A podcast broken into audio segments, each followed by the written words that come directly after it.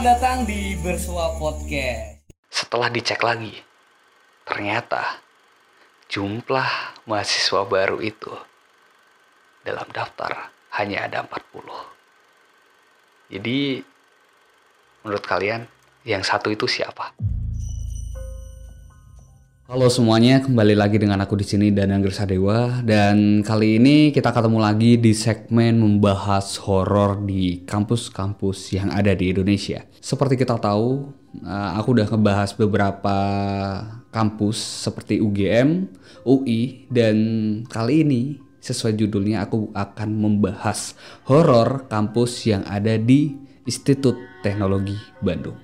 Ya, seperti kita tahu, ITB ini adalah salah satu universitas atau institut yang memang sudah terkenal, sudah lama dan bahkan dua presiden di Indonesia itu adalah jebolan dari Institut Teknologi Bandung ini. Siapa sih yang nggak kenal Insinyur Soekarno? Siapa yang nggak kenal B.J. Habibie?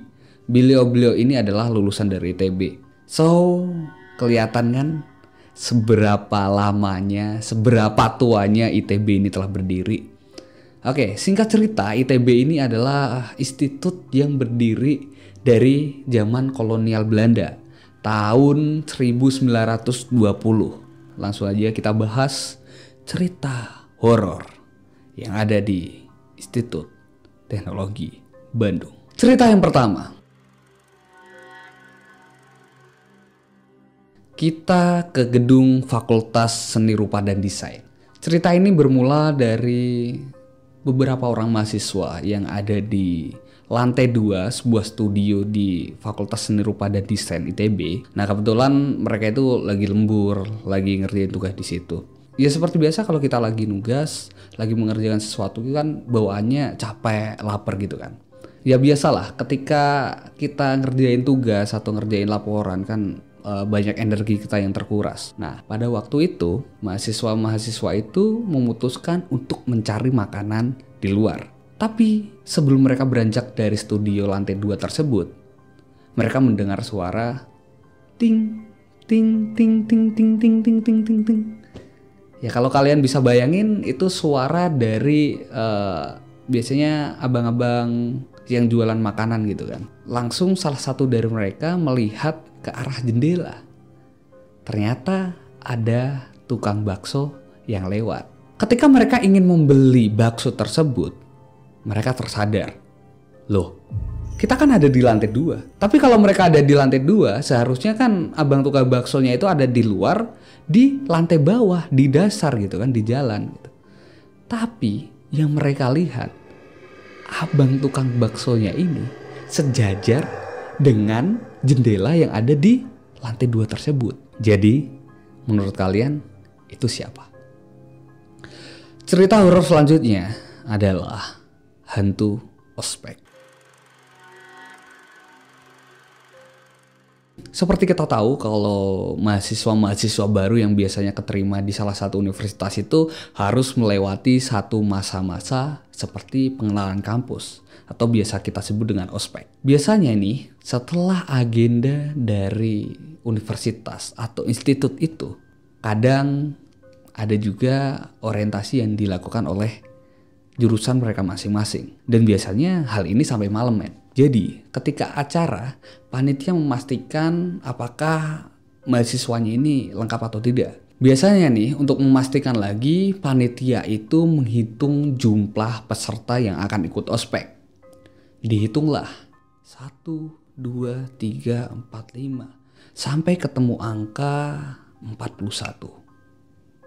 Tapi setelah dicek lagi ternyata jumlah mahasiswa baru itu dalam daftar hanya ada 40. Jadi menurut kalian yang satu itu siapa?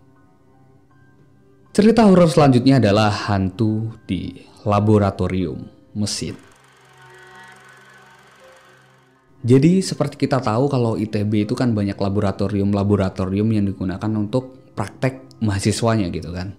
Singkat cerita, setelah perkuliahan selesai biasanya kan mesin dimatikan, pintu dikunci gitu kan. Secara logika itu ya udah terkunci gitu.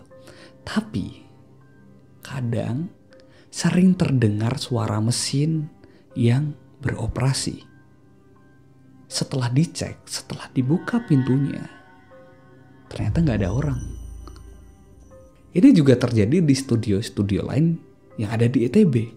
Salah satunya di studio gambar yang ada di ITB. Kadang setelah perkuliahan selesai, terdengar meja digeser. Dan kembali lagi, setelah dicek, dibuka pintunya, tidak ada satu orang pun yang ada di situ. Cerita selanjutnya adalah cerita hantu yang ada di gedung PAU. PAU itu adalah pusat antar universitas. Jadi di gedung itu diceritakan kalau dulunya ada seorang mahasiswa yang bunuh diri di situ. Dan terkadang dia juga menampakkan dirinya. Jadi hantu ini punya cara unik untuk menampakkan wujudnya.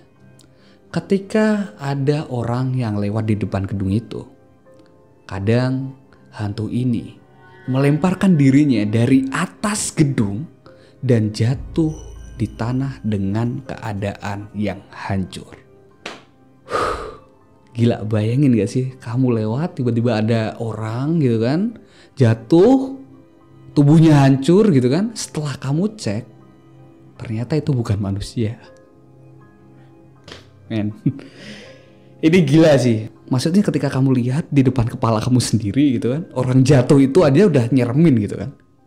Apalagi ini sampai hancur gitu.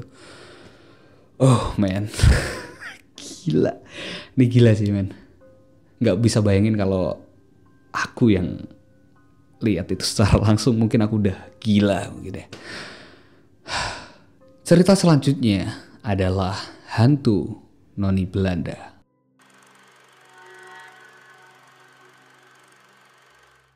Jadi ceritanya ini ada di gedung FSRD lantai 3 gitu kan.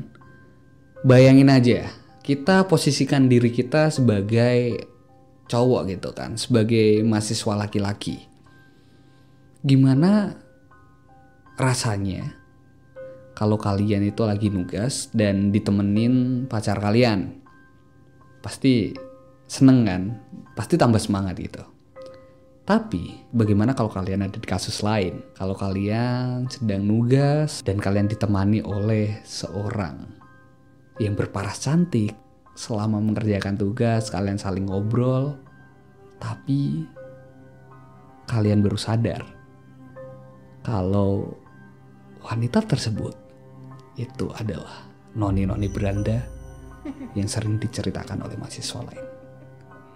Bagaimana reaksi kalian? Coba kalian bayangkan kalau kalian ada di posisi itu. Kalau aku sih ya kalau aku lagi nugas ditemenin itu dan aku sadar pasti aku udah nggak bisa mikir lagi gitu.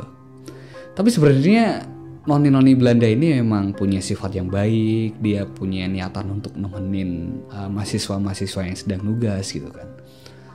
Diajak ngobrol, tapi kalau itu bukan manusia juga gimana gitu Coba kalian tulis reaksi kalian di komentar. Jadi itu tadi cerita-cerita horor yang ada di kampus ITB. Jadi kalau kalian punya rekomendasi atau cerita horor bisa banget kalian komen di bawah atau kalian juga bisa ngasih saran kampus mana kira-kira yang akan aku buatin video selanjutnya. Gitu aja. Aku Dana Grisadewa dan see you. Hari dia sering menjatuhkan dirinya dari atas jembatan ke jalan yang ada di bawahnya. Cerita hantu wisuda UI. Sosok ini sering muncul ketika mahasiswa sedang berfoto di Balerung UI. Sosok hantu ini sering muncul di wisuda karena latar belakang dia gagal ikut wisuda.